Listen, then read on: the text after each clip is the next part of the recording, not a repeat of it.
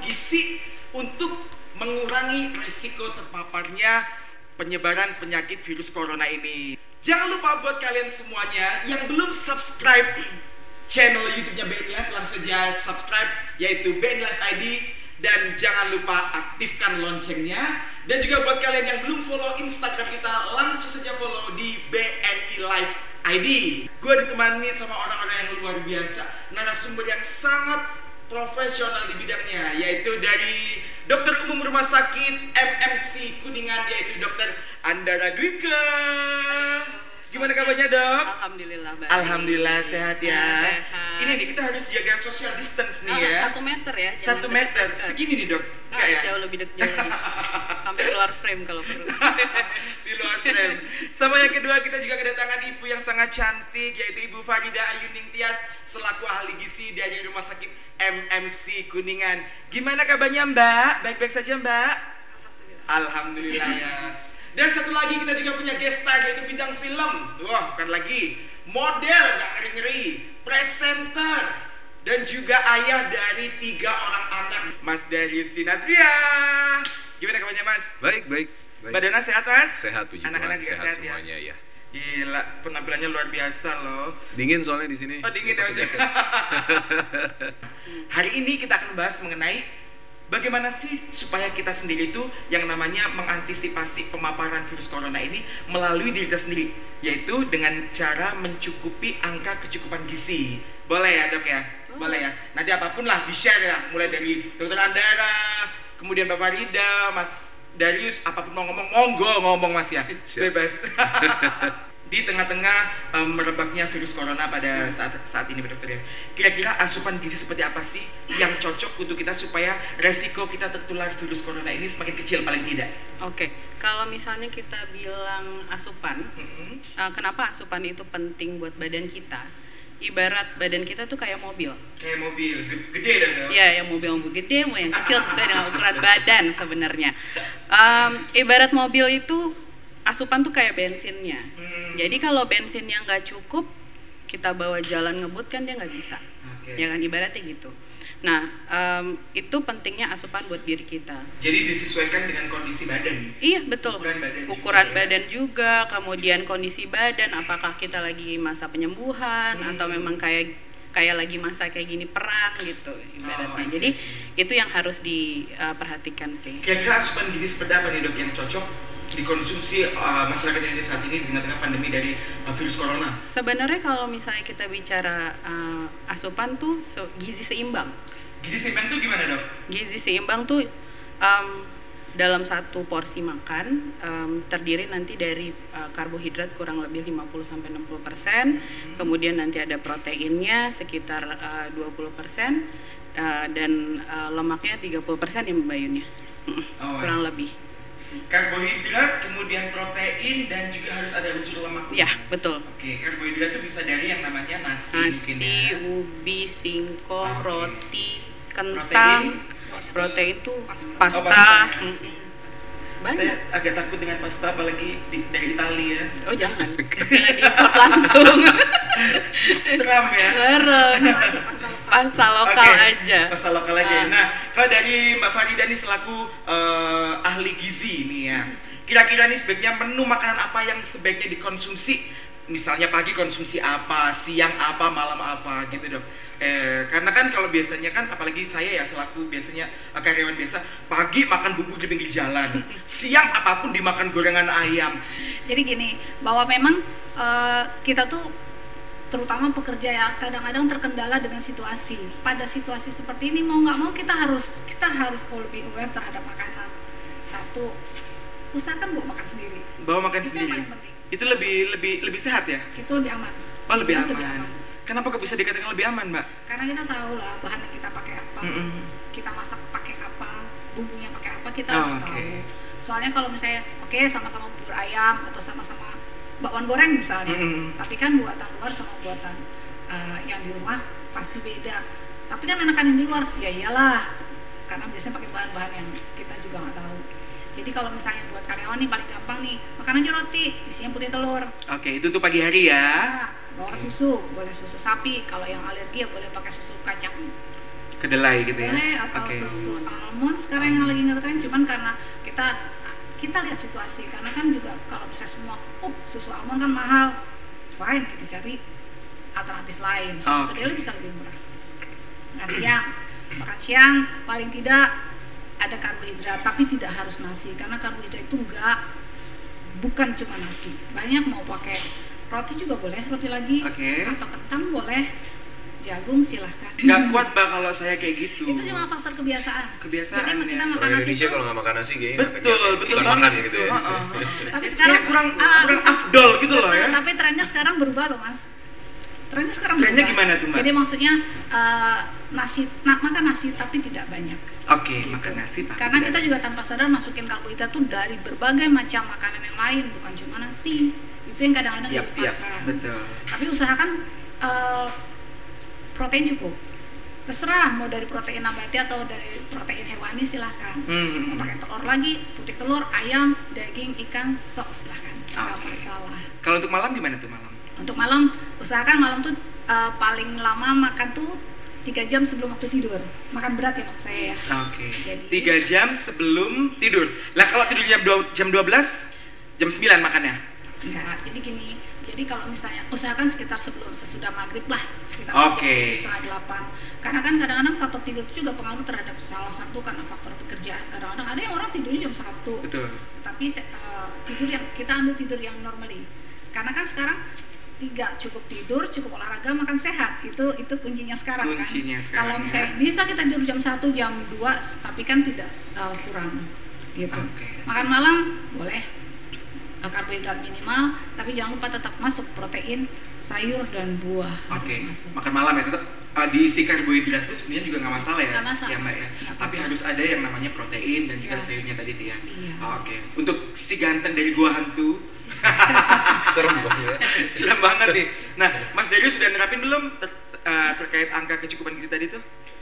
Eh, iya kebetulan memang kalau aku sama Dona dari awal kita nikah memang udah kayak dapat apa ya ngebentuk pola makan sendiri bentuk sih. pola makan. Gimana tuh Sebisa- bentuknya, Mas? Sebisa mungkin kita makan di rumah. Sarapan itu pasti di rumah.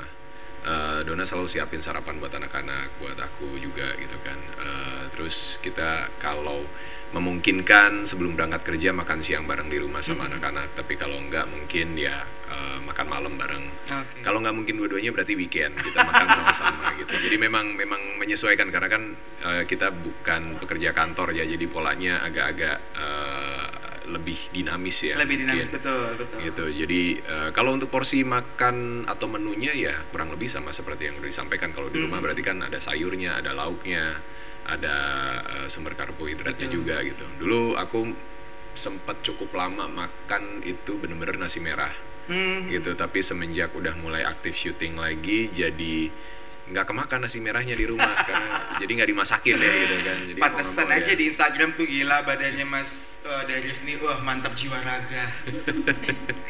Kayak sering banget nih. Eh, saya follow Instagramnya Mas Darius loh ya. di stalk terus nih kayak gitu Terus Mas untuk biasanya kan anak-anak ini agak rewel kalau misalnya mereka harus dikasih uh, makanan yang ini itu ini itu ini itu. Gimana mengedukasi mereka biar mereka mau nurut gitu Mas?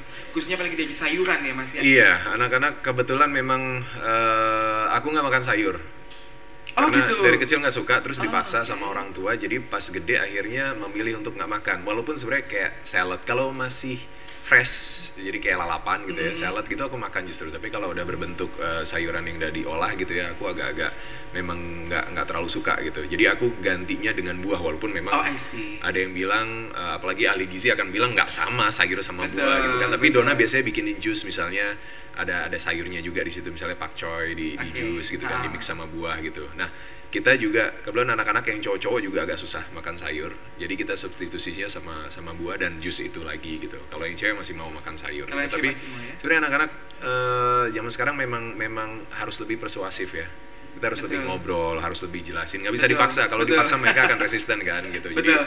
eh, banyak banyak kasih gambaran dan kasih contoh gitu Eh, yang gede akhirnya sekarang udah mulai makan salad juga ya saya tunjukin kalau karena kan mereka paling gampang nyontoh orang tuanya papa aja nggak makan gitu Betul, kan "Eh, papa betul, makan makan betul. gitu kan akhirnya begitu makan salad nih papa makan salad ayo makan sama-sama akhirnya mulai mulai mau Oke. coba gitu Eh, brokoli juga mulai mau mau makan gitu kan jadi bertahap lah prosesnya gitu pada akhirnya mereka punya kesadaran sendiri Oke. bahwa apa yang mereka butuhkan gitu kan tapi paling nggak kita sebagai orang tua ya nyediain memfasilitasi dan kasih apa ya kasih arahan yang yang yang sesuai dengan dengan gaya komunikasinya mereka Oh, juga oke oke.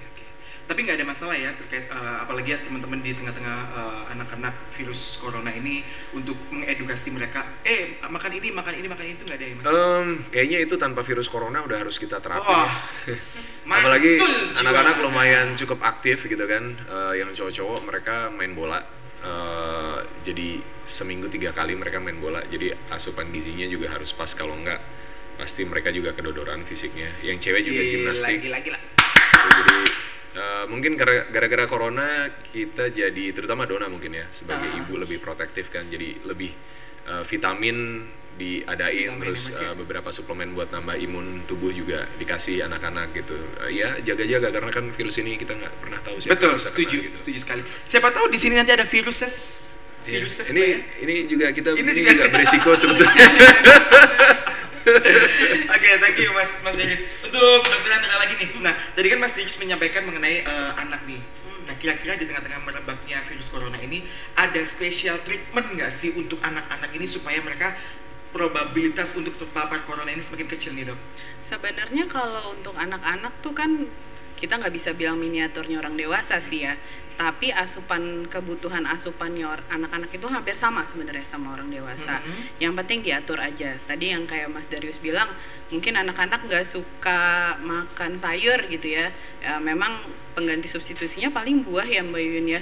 Em, betul tadi buahnya mungkin di jus, dicampur Oke. sayur, terus atau dibikinin puding buah kah, atau dibikinin eh, ya segala macam lah. Mungkin orang tua bisa eh, kreativitas sendiri, Oh, gitu. Sebenarnya tapi sama aja, nggak ada bedanya orang dewasa sama anak-anak. Tapi perlu nggak sih untuk anak-anak ini dikasih yang namanya suplemen atau vitamin tambahan gitu dok? Selain dari yang namanya Hmm. pemenuhan angka kecukupan gizi. Oke, jadi kalau kita bicaranya suplemen, memang be- eh, perlu orang dewasa dan anak-anak memang perlu diberikan suplemen. Kenapa? Karena ada beberapa vitamin yang memang tidak bisa dibuat di badan kita sendiri, Oh, sehingga kita oke. membutuhkan suplemen itu. Eh, suplemen sup- eh, apa vitamin-vitamin yang larut dalam air lah ya, Hmm. yang kayak eh, vitamin C dan kawan-kawannya, vitamin B dan lain-lain, itu tuh begitu kita konsumsi dia akan cepat kebuang di badannya. Oke. Jadi memang harus ditambah dengan suplemen yang Oh, ada. See, I see. Gitu. Berarti antara mau anak kecil mau orang dewasa pun juga membutuhkan yang namanya vitamin dari luar gitu ya. Betul Karena sekali. tubuh tidak bisa memproduksi vitamin Betul. sendirinya Mm. gitu ya. Mas Darius, kira-kira kalau eh, Mbak Dona nih lebih cenderung masak sendiri atau beli makanan di luar nih Mas? Apalagi yang online-online itu Mas. kita selalu biasain masak di rumah sih Oke. masak ada mbak yang bantuin masak juga Oh, ada Mbak juga ya? Kalau weekend biasanya aku sama Dona eh, suka masakin buat anak-anak gitu, atau Dona suka masakin misalnya yang yang yang bisa tahan lama lah, misalnya kayak makaroni skutel Oke. gitu, terus ada apa namanya eh, pastel atau Kemarin aku lihat atau- di Instagram Mbak Dona tuh gitu bikin kan. spaghetti tuh Mas. Iya, kemarin kita bikin spaghetti barengan gitu kan. Minggu lalu juga bisa tiap, tiap weekend sih. Pasti selalu nyempetin karena apa ya? Aku waktu kecil selalu rindu masakan ibu gitu, masakan mama gitu kan. Nah, Oh. Ibu di mana? Di Swiss. Eh, Bukan? Enggak, enggak. jadi jadi selalu selalu pengen gitu kan, selalu pengen gitu. Nah, eh, kayaknya setiap anak punya punya itu gitu kan. Masakan orang tua tuh kayaknya something Betul, gitu kan. setuju, Walaupun mungkin setuju. rasanya standar, tapi buat mereka tuh wah enak banget gitu kan. Memang iya, gitu ya kangen ya? gitu. heeh. Suka kangen gitu ya? Gitu. Jadi jadi eh, kita punya beberapa menu yang yang apa namanya yang spesial lah gitu kan. Anak-anak tuh pasti request gitu dan kita biasanya ya weekend memang momennya ketika break shooting, Hmm. kita memang luangkan waktu untuk bisa sama anak-anak dan bikinin yang eh, favoritnya mereka. Favoritnya apa Mas? Favoritnya Mas? Anak-anak. Iya. Favoritnya eh, ba- banyak sih kayak spaghetti, terus Dona Oke. juga suka bikin pizza, terus Oh, Itali eh, semua tuh Mas. Iya, iya. yang yang ininya sa- sate ayam mereka juga sate suka, ayam, ya ayam. terus eh, mie godok. Kalau yang Mie godok. yang Indonesianya mie godok. Bukan mie instan tapi ya? Bukan, bukan, Bukan, bukan. ya? Pakai mie, mie telur gitu, Telur, terus oke, kita bikin bumbunya oke. sendiri gitu. Eh, apalagi eh, teriyaki beef misalnya Oke. kayak gitu. Banyak ya Eh, kesukaannya. Iya iya iya. Jadi nggak terlalu susah ya ya, Iya. untuk menyediakan uh, Bahkan buat sarapan misalnya eh, aku suka beli beli apa daging giling terus Mm-mm. bikin eh, isian burgernya sendiri gitu. Oke. Jadi kita bumbu- bumbuin sendiri tinggal beri rotinya aja gitu kan. Oke, oke. Gitu. Siap, Jadi siap, ya memang harus kreatif seperti kata Betul, dokter betul, orang betul. tua harus harus kreatif. Tapi kan anak-anak sekarang kalau boleh tahu uh, SMP ya mas anak-anaknya. Yang paling besar SMP, SMP kelas kan 1, eh, lalu kelas 5 sama kelas 3. Nggak terlalu susah lah ya kalau pada saat mungkin pada saat balita itu kan agak rada susah. Iya iya ya. kalau balita pasti iya eh, prosesnya lumayan ya. Begitu mereka udah udah lebih punya rasa tuh makanan-makanan yang biasanya dulunya gampang jadi susah. Betul, gitu. betul.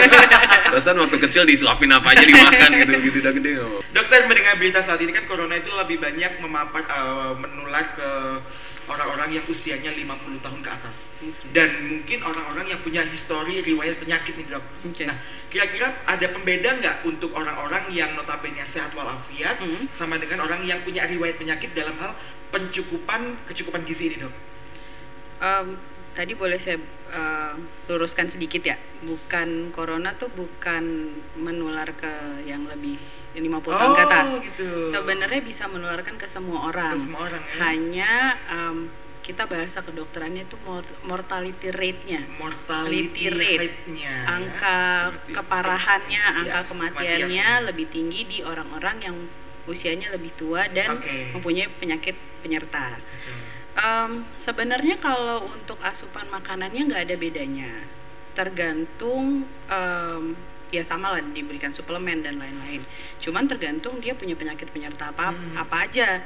Misalnya nih saya punya penyakit jantung, pastinya kan ada restriksi makanan dari dokter jantung saya. Nah itu mungkin em, baiknya diikuti tetap, tapi dengan gizi yang seimbang. tetap. Oke. Jadi misalnya kalau kayak penyakit jantung kan mungkin dia restriksi garam atau restriksi lemak tetap diikutin tapi harus uh, mengikuti komposisi yang uh, seimbang.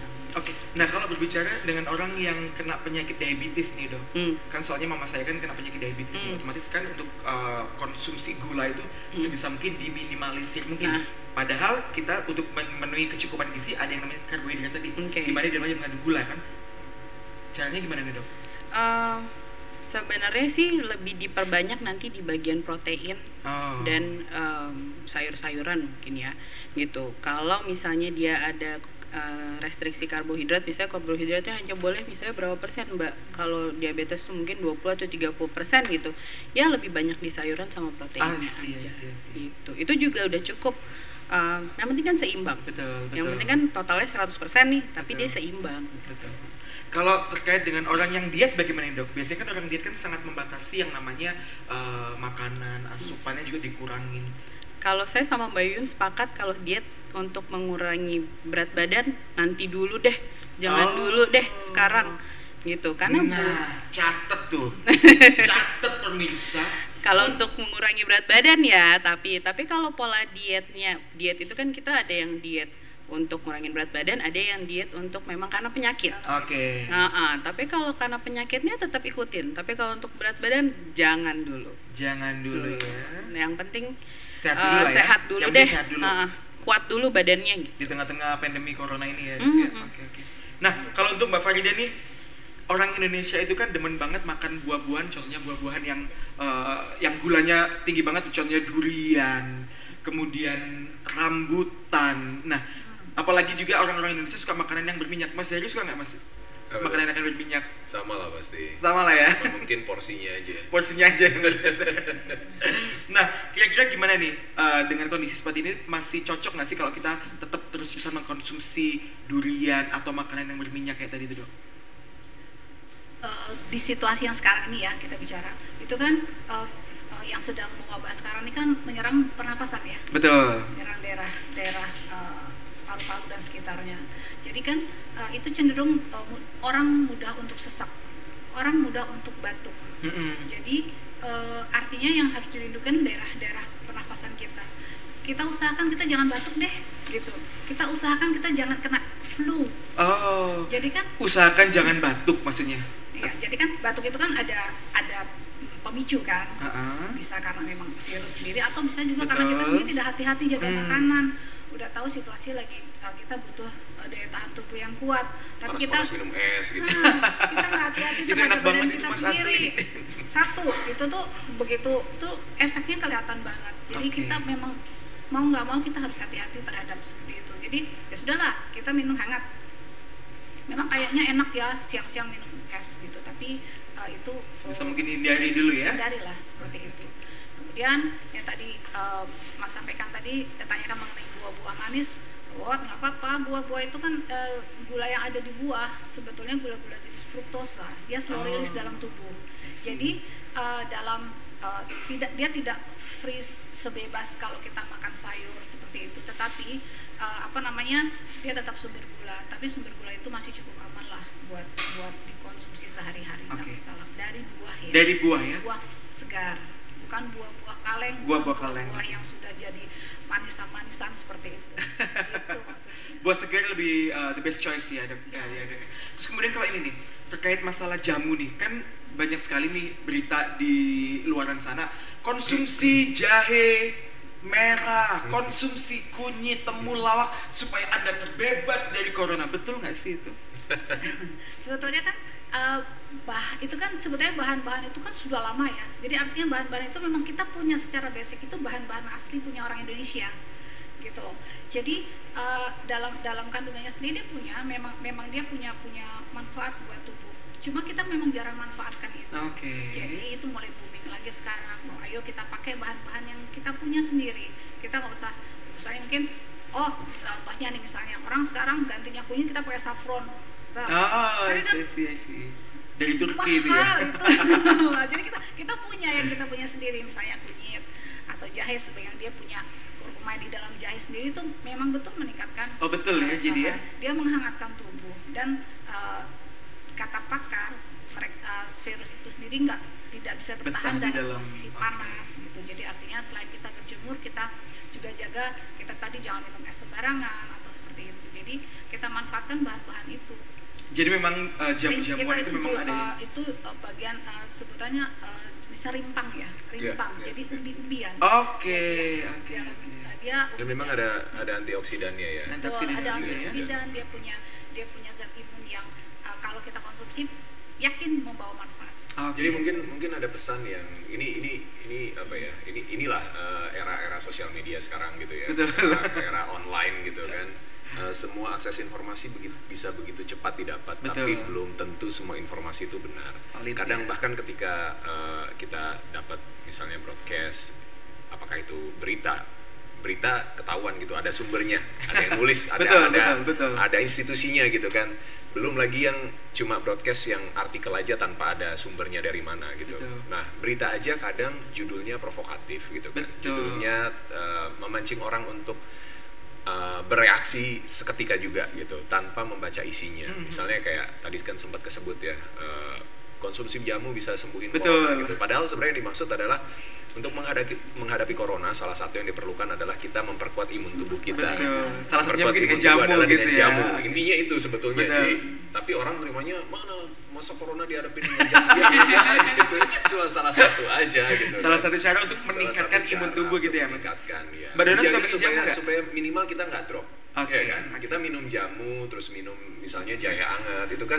menghangatkan badan kita Ya Betul. kan kalau hujan kita minum itu supaya kita nggak masuk angin katanya gitu Betul. kan tapi kan di saat bersamaan kita menjaga supaya imun kita nggak turun gitu kan supaya Betul. tubuh kita tetap segar tetap fit gitu. Mas Dari suka jamu? Eh, suka, saya kadang suka bikin sendiri walaupun jarang banget. ya, eh, resep orang tua juga, resep mamah juga. Em, tapi Dona suka beli yang memang. Suka beli ya? Kebetulan ada ada teman-teman yang suka produksi, yang fresh kita tahu gitu kan. Jadi kita kita beli gitu karena eh, beda rasa jamu yang instan sama yang Betul, betul, beda, betul, gitu. Jadi, betul, betul. Jauh, jauh ya. Jauh Iya, rasanya iya. jauh banget. Kalau saya suka suka jamu, jamu Galen Sings. Ini udah mulai gimbalan. Oke, balik lagi nih ke dokter Andara nih. Iya. Ini kan sudah mau menjelang yang namanya momen-momen puasa nih. Iya. Nah untuk puasa ini kan biasanya uh, kita menahan yang namanya makan minum dari pagi sampai dengan malam nih. Hmm. Otomatis kan yang namanya mungkin nggak sih uh, imunitas kita uh, ber- uh, turun karena Hmm. faktor puasa dan juga bagaimana cara mencukupi angka kecukupan gizi pada saat kita masuk bulan puasa. Oke. Em, sebenarnya kalau puasa untuk menurut eh efeknya menurunkan imunitas saya rasa sih nggak ada ya Mm-mm. sebenarnya kita kan nggak makan dari pagi dari malam sampai pagi itu sama aja dengan kayak puasa jadi diganti jadi siang kan nggak makannya Oh, betul, kan betul betul Gitu. betul betul kalau orang puasa tuh suka makan sampai jam 11 malam loh Betul. karena kayak balas dendam gitu rasanya makan terus ya makan terus Makan. karena siangnya nggak makan.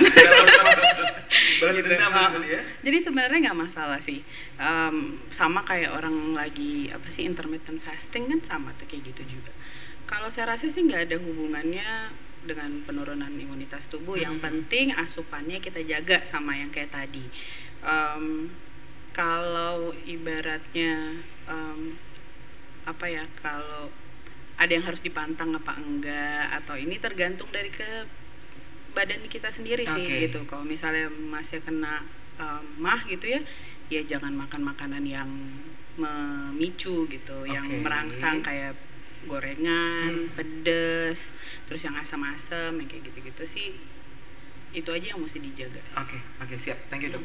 Mbak Farida, kalau biasanya musim puasa, ini kan harus ada makanan yang dijaga ketika uh, sahur dan juga bu- uh, buka puasa nih. Idealnya untuk sahur dan juga puas, uh, buka puasa ini menunya apa? Eh, akhir-akhir ini kayaknya memang kita mesti harus berubah. Eh, kita harus berubah dan itu dari mulai dari diri sendiri. Jadi memang saat, eh, apa namanya di frying itu memicu batuk memang. Oke. Di frying makanan-makanan apa pun yang yang di, di Digoreng. digoreng dalam celup minyak banyak itu Hmm. memang memicu. Jadi mau nggak mau ya kurangi, memang harus dikurangi. Baik itu bikin sendiri maupun apalagi beli di luar. Betul. gitu. Uh, itu salah satunya. Kemudian kalau misalnya untuk buka puasa tuh memang dianjurkan sebagai pengganti dari cairan yang keluar yang kita nggak minum seharian, jus buah paling efektif. Oke. Jus buah paling efektif. Jadi uh, bisa boleh pakai madu atau tak su- tak, tak gula pun tidak masalah. Oke. Gitu. Jadi itu. Uh, kemudian uh, makan seperti biasa. Kurangi santan itu tadi seperti tadi uh, supaya nggak terlalu uh, beban-beban di lambung juga nggak terlalu banyak itu saja. Kemudian protein tetap jangan dilupakan karena protein ini sangat penting. Dan juga yang nggak boleh dilupakan sayur. Meskipun Mas Darius nggak doyan sayur, pakai yang lain. Sudah, sudah doyan, Mbak. Sudah. Itu zaman Oh iya, dulu. Pakai salad ya. Iya. Tapi eh, memang sayur itu penting karena eh, salah sa- eh, salah satu sumber vitamin dan mineral sebagai tadi sumber eh, imun daya tahan tubuh tuh asalnya dari situ. Betul, Ya. betul. Kalau misalnya kita bisa makan yang fresh tadi sayuran dan buah yang eh, fresh sayuran fresh kita bisa ngurangin eh, suplemen kok. Oh, I Gitu. see, I Jadi see. artinya kita maksimal dulu makan yang dari eh, alam lah ya. alam, ah, nah baru ah, baru kekurangannya kita bisa tambahkan dari suplemen. Dari suplemen. Jadi suplemen juga dalam misalnya yang bentuk oh, oh suplemen serat atau itu juga tidak wajib sebetulnya. Artinya kita bisa eh, satu lebih ekonomis. Yang kedua lambung kita bergerak. Mm-mm. Itu yang paling penting. Karena kalau Serem banget gak sih lambung bergerak? Gimana caranya itu? Jalan kaki. lambung kita harus bergerak. Jadi jadi jangan manjakan lambung juga dengan makanan yang terlalu soft, dengan pil-pil segala Oh, macam yang tidak membuat lambung kita bergerak. Karena eh, lambung bergerak artinya pencernaan lancar dan artinya buang air besar juga lancar loh. Betul, betul. Eh, ketika eh, tadi puasa ya eh, jus buah. Nah ketika sahur boleh buah potong sih fine aja nggak masalah. Oke. Nggak usah terlalu banyak eh, minyak juga apalagi ketika pas eh, sahur seperti itu. Nah, Oke, oke. Tapi cukup air itu penting. Penting ya cukup air ya. Iya. Pipis-pipis nanti jadinya ya. Fine. Yang Fine penting aja. jumlahnya masuk sama main keluar itu aja. Betul, betul. Kalau kita minum banyak nggak keluar kan ke mana airnya? Serem banget tuh Serem kan? ngendap jadinya. Ngendap. Oke, untuk Mas Darius nih Mas, eh, lagi musim corona, kemudian ditambah lagi dengan yang namanya bentar lagi masuk musim puasa. Biasanya orang-orang berbondong-bondong untuk belanja, nyetok barang gini nih. Otomatis akan jadi yang namanya kelangkaan di pasar nih. Dilakukan juga sama Mas Darius kayak gitu, sama Dona juga?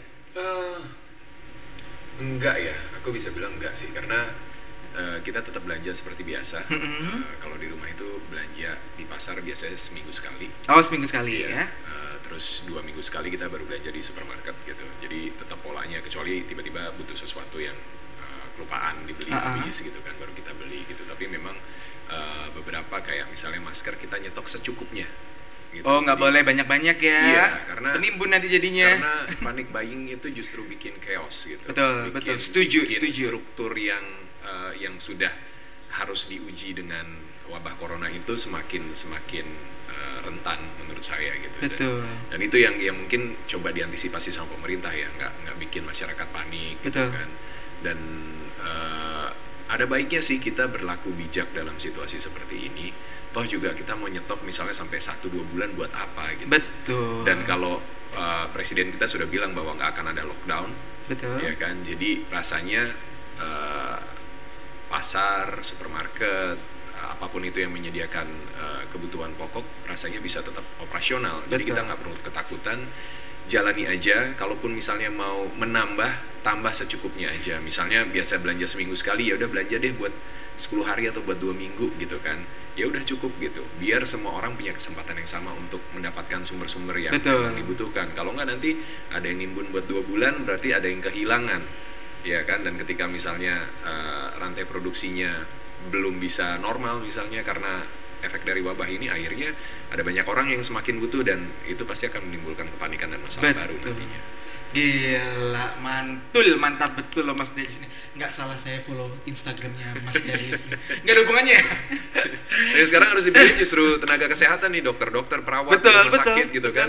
Mereka pasti jam kerjanya nih bertambah, berlipat. Terus Betul. gimana dengan dengan dengan asupan gizi mereka gitu? Betul. Apalagi kemarin sempat ada berita uh, ber- beberapa dokter meninggal dunia karena ke- kelelahan menang Ya, ini ya. virus corona dan, ya. dan bukan cuma ru- rumah sakit besar tapi puskesmas puskesmas yang di Oke. daerah gitu saya dapat kontak beberapa di daerah tuh mereka harus eh, mandiri swadaya gitu cari cari Oh. makan karena biasanya mungkin mereka udah pulang ke rumah atau apa ini harus standby terus gitu kan jadi mungkin kita kita apa ya dalam situasi seperti ini kita mulai dari diri sendiri Betul, jaga kebersihan setuju.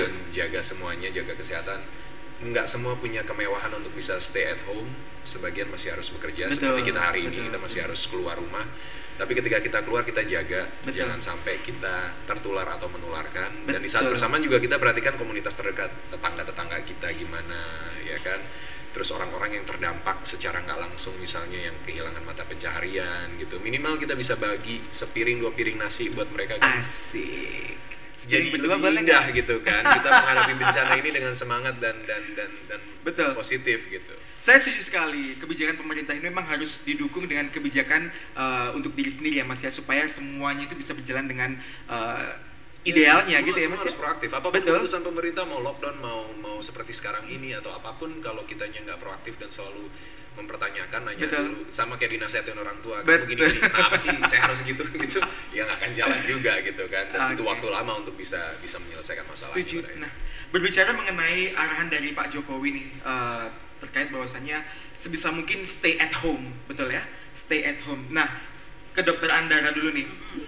Sebaiknya supaya kita tidak menurunkan kesehatan kita, apalagi kalau di rumah itu pasti mobilitas pasti berkurang, betul? Ya. Untuk gerak badan itu pasti berkurang. Hmm. Gimana kiat-kiatnya biar kita bisa tetap menjaga yang namanya produktivitas kita di rumah nih, Dok? Ya tergantung niat gitu Ah, ya. tergantung niat. Kalau misalnya sebenarnya kan bisa kayak olahraga bareng-bareng. Mungkin Mas Darius sama anak-anak eh, ya olahraga santai aja mungkin apa stretching-stretching gitu, Stretching, ya, jogging, jogging gitu ya. Ya nggak usah jauh-jauh ya masih Iya. sekitar situ aja. Atau kalau punya treadmill dan segala macam. Terus eh, mungkin em, bisa berjemur. Berjemur itu tuh manfaatnya banyak banget Oke. gitu. Jadi Idealnya berjemur jam berapa sampai jam berapa nih, Dok? Kalau uh, du- orang dulu nih bilang kan jam 8 sampai jam 9, tapi penelitian terbaru malah di atas jam 11. Tapi nggak usah lama-lama, Oke. 5 menit sampai 10 menit aja. Tergosong lama Gosong kayak kita lagi di pantai. Heeh. Nggak usah lama-lama, yang penting telapak tangan, wajah, kalau bisa punggung terekspos Oke, sama betul. sinar matahari. Karena kenapa? Em, sinar matahari itu bisa memicu em, pembentukan vitamin D. Vitamin D ini dia gunanya untuk memicu apa tentara di dalam badan kita supaya jadi lebih banyak dan lebih aktif untuk eh, melawan penyakit. Oke. Itu sih. Kalau saya sih mungkin tipsnya itu kali ya di kalau di rumah. Ya ngapain lagi ya masih aku di rumah ya? Iya, Bingung. ngapain lagi, lihat lagi ya, nih lihat-lihatan nanti. Kalau kalau Mbak Farida nih, Mbak Farida biasanya kan kalau di rumah kan bawanya nyemil terus nih. Kalau dari Mbak pakar gizi nih, nyemil apa sih yang sehat nih? Biar kita nggak jadi gembala. gembala itu gemuk nih, obes. Oh. Tadi sudah saya sampaikan satu kacang-kacangan rebus. Kacang-kacang rebus, aduh, Kemudian nggak ada rasanya itu. Buah. Buah ya? itu paling paling paling anu ya. Eh, carilah buah yang sedikit mengenyangkan. Contoh misalnya pisang. Pisang tuh kalorinya bagus. Satu buah jantung juga bagus. Kemudian apel misalnya itu yang agak agak agak mengenyangkan dibanding buah. Atau kalau misalnya mau yang lain banyak pepaya kah eh, semangka yang paling mudah aja lah pepaya yang paling gampang juga harganya nggak terlalu mahal Betul. tiap hari Kayak lagu efektif waktu kecil ya, Apa? papaya, mangga, pisang jam. nah, itu kan ah, itu kan yang Itu kayaknya saya belum lahir gitu. Masa sih Gak pernah TK ya? Kalau saya ketika saya zaman TK itu udah kenal lagunya Beyonce gitu gitu. Beyonce waktu kecil. Lanjut, Mbak. tetap eh, apa namanya cemilan dan gorengan tetap dikurangin tadi sekarang pokoknya Oke. kita eh, sekarang jaga pernapasan kita Hmm. jaga jaga eh, apa namanya daerah-daerah paru dan lung dan sekitarnya itu satu tadi kita jangan jangan jangan merangsang tubuh kita sendiri untuk sakit gitu atau memang saya nggak mengatakan minyak bikin sakit enggak tetapi eh, itu mem- memicu terlalu banyak goreng gatel jadi jadi yang tadinya nggak pengen batuk jadi gatel jadi seperti gitu jadi Oke. eh, apa namanya kita eh, lindungi diri sendiri dulu gitu itu yang paling penting Oke. gitu Lindungi diri buah-buah ya. sayur itu Buah, harus sayur, kacang-kacangan itu untuk uh, pengganti nyemil biskuit dan sebagainya gitu ya. Iya. Gimana Mas anak-anak pasti saya jamin saya gak lagi sukanya biskuit dibandingkan dengan buah-buahan. Yang pasti ya. tergantung usia nah itu gimana tuh Mas? Supaya mereka bisa Eh, sehat tuh Mas. Iya, memang dibiasakan anak-anak setiap hari harus makan buah sih. Buahnya ya standar pisang, eh, semangka, melon, eh, apel, jeruk gitu. Jadi eh, disesuaikan juga sama kesukaannya mereka. Tiap Oke. anak kan ada yang suka buah ini, ada yang nggak suka gitu kan. Eh, selalu biasanya tiap hari eh, dikasih gitu. Apalagi kalau bisa mungkin eh, yang vitamin C-nya juga tinggi ya gitu. Kiwi mungkin gitu Is kan. asik Jadi, kiwi. Eh, banyak sekali macam varian buah dan nggak perlu cari buah yang mahal-mahal. Betul. Di pasar juga eh, buahnya kadang justru lebih enak dan lebih manis gitu. Betul. Lebih alami lah ya. Ya, walaupun memang nggak bisa dipungkiri bahwa anak-anak tetap suka yang Biskuit yang lah, biskuit lah, pempek lah, singkong goreng gitu kan. Ya, ya benar dikurangin gitu kan, tapi mungkin bukan terus nggak sama sekali gitu karena mereka Oke. pasti juga, apalagi di rumah mereka ini udah hari ke 9 berarti di rumah. Homeschooling ya. Iya, karena di rumah kan Betul. belajar dari rumah gitu kan. Oke. Jadi memang mulai mati gaya gitu. Iya. Biasanya apa tuh Mas yang dilakukan supaya mereka nggak bosen di rumah? Mereka Mas? sekarang pagi sampai jam 11.15 itu tetap belajar. Mm-mm. Jadi dari guru-gurunya tetap dapat uh, tugas. uh, ya ada yang online juga, terus ada yang harus mengerjakan soal, dikirim lewat email, lewat WhatsApp gitu kan. Jadi uh, banyak lah yang harus dikerjakan dan Hmm. dan walaupun belum mandi malas-malasan gitu tapi tetap mereka kerjain dulu gitu kan Eh, lalu ya gadget pasti nggak bisa lepas walaupun Betul. memang tetap kita batasin karena dari Betul. dulu udah ada aturan yang jelas di rumah eh, boleh main game itu cuma di weekend aja Jumat satu minggu Eh, tapi karena sekarang kondisinya seperti ini ya mau nggak mau anggap setengah libur kan jadi Betul. mereka tetap bisa main gitu. Kita push mereka juga untuk baca main alat musik olahraga nggak ketinggalan mereka tetap aktif. Cuma memang olahraganya eh, udah di kompleks juga udah ada imbauan berenang nggak boleh dulu. Oh, lalu gym juga belum boleh dipakai karena ada resiko penularan di situ. Betul, jadi olahraganya ya terbuka aja jogging Eh, Dona yang lebih sering ngajak mereka Mbak Dona olahraga ya? pagi kalau saya kan eh, tidurnya malam jam 1 jam 2 setengah tiga baru tidur jadi Ini matanya sayup ini pasti. karena telat Karena bangun nih. bangun pagi tadi. tadi bangun jam berapa? Jam 7. Jam Jam 7 7 ya. udah bangun gitu. Jadi eh, biasanya bangun jam 8, setengah 9 gitu. Jadi mereka udah beres olahraga, saya baru bangun gitu. Terus Oke. ya sebelum berangkat kita apa namanya ketemu dulu nemenin saya sarapan sambil ngobrol-ngobrol segala macam gitu. Wow, mantap sekali nih. Oke, tak terasa perjumpaan kita, perbincangan kita sudah kurang lebih 40 menit ini. Eh, Mas Darius, Mbak Farida Pasha, bukan ya? bintang nanti ya bintang film horor nanti ya sama dokter Andrea Eh, dari dokter dan juga Mbak Farida kira-kira ada yang mau disampaikan kesimpulan dari percakapan perbincangan kita pada siang hari ini konklusi mengingatkan Asik. kembali bahwa ada tiga yang harus dilakukan. Jadi cukup istirahat, makan sehat, dan olahraga. Jadi uh, dan juga berdoa jangan lupa bahwa sebatas kita tetap manusia kita tetap mohon pertolongan sama yang maha kuasa. Semoga kita dijauhkan dari segala penyakit yang mewabah sekarang ini. Amin. Salam sehat, salam sehat cukup istirahat olahraga, olahraga makan baik. makan dan satu lagi berdoa gitu ya. Kalau dari Mas Darius ada syarat kesan-kesan atau pesan buat teman-teman yang para pemirsa podcast BN Live ini nggak? Ini situasi yang mungkin kita sama-sama belum pernah hadapi Betul. dan nggak ada yang benar-benar benar atau benar-benar salah.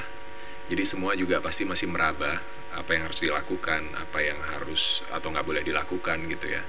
Eh, tapi kita harus mulai semuanya dari diri kita. Ini waktunya kita untuk bisa eh, memikirkan banyak orang, tapi dimulai dengan hal yang paling kecil.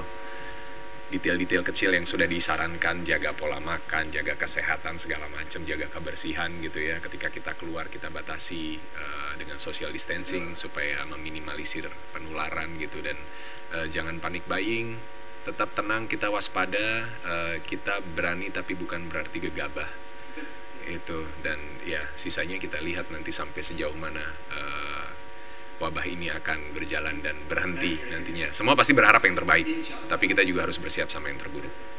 Dan yang pasti kita harus dukung semua kebijakan dari pemerintah karena kita yakin kebijakan pemerintah untuk kebaikan seluruh masyarakat Indonesia betul ya? Yap. Yap. Oke. Baiklah, terima kasih Dokter Andara, Mbak Farida dan Mas Darius. Untuk kalian semuanya yang pengen ada sebuah isu yang kita bahas, langsung saja tulis ko- di kolom komentar eh, channel YouTube kita. Dan jangan lupa subscribe channel itu kita di BN Life ID dan jangan lupa juga aktifkan loncengnya dan tentunya follow Instagram kita yaitu BNI Life ID. Easy Life BNI Life Sampai jumpa. Terima kasih.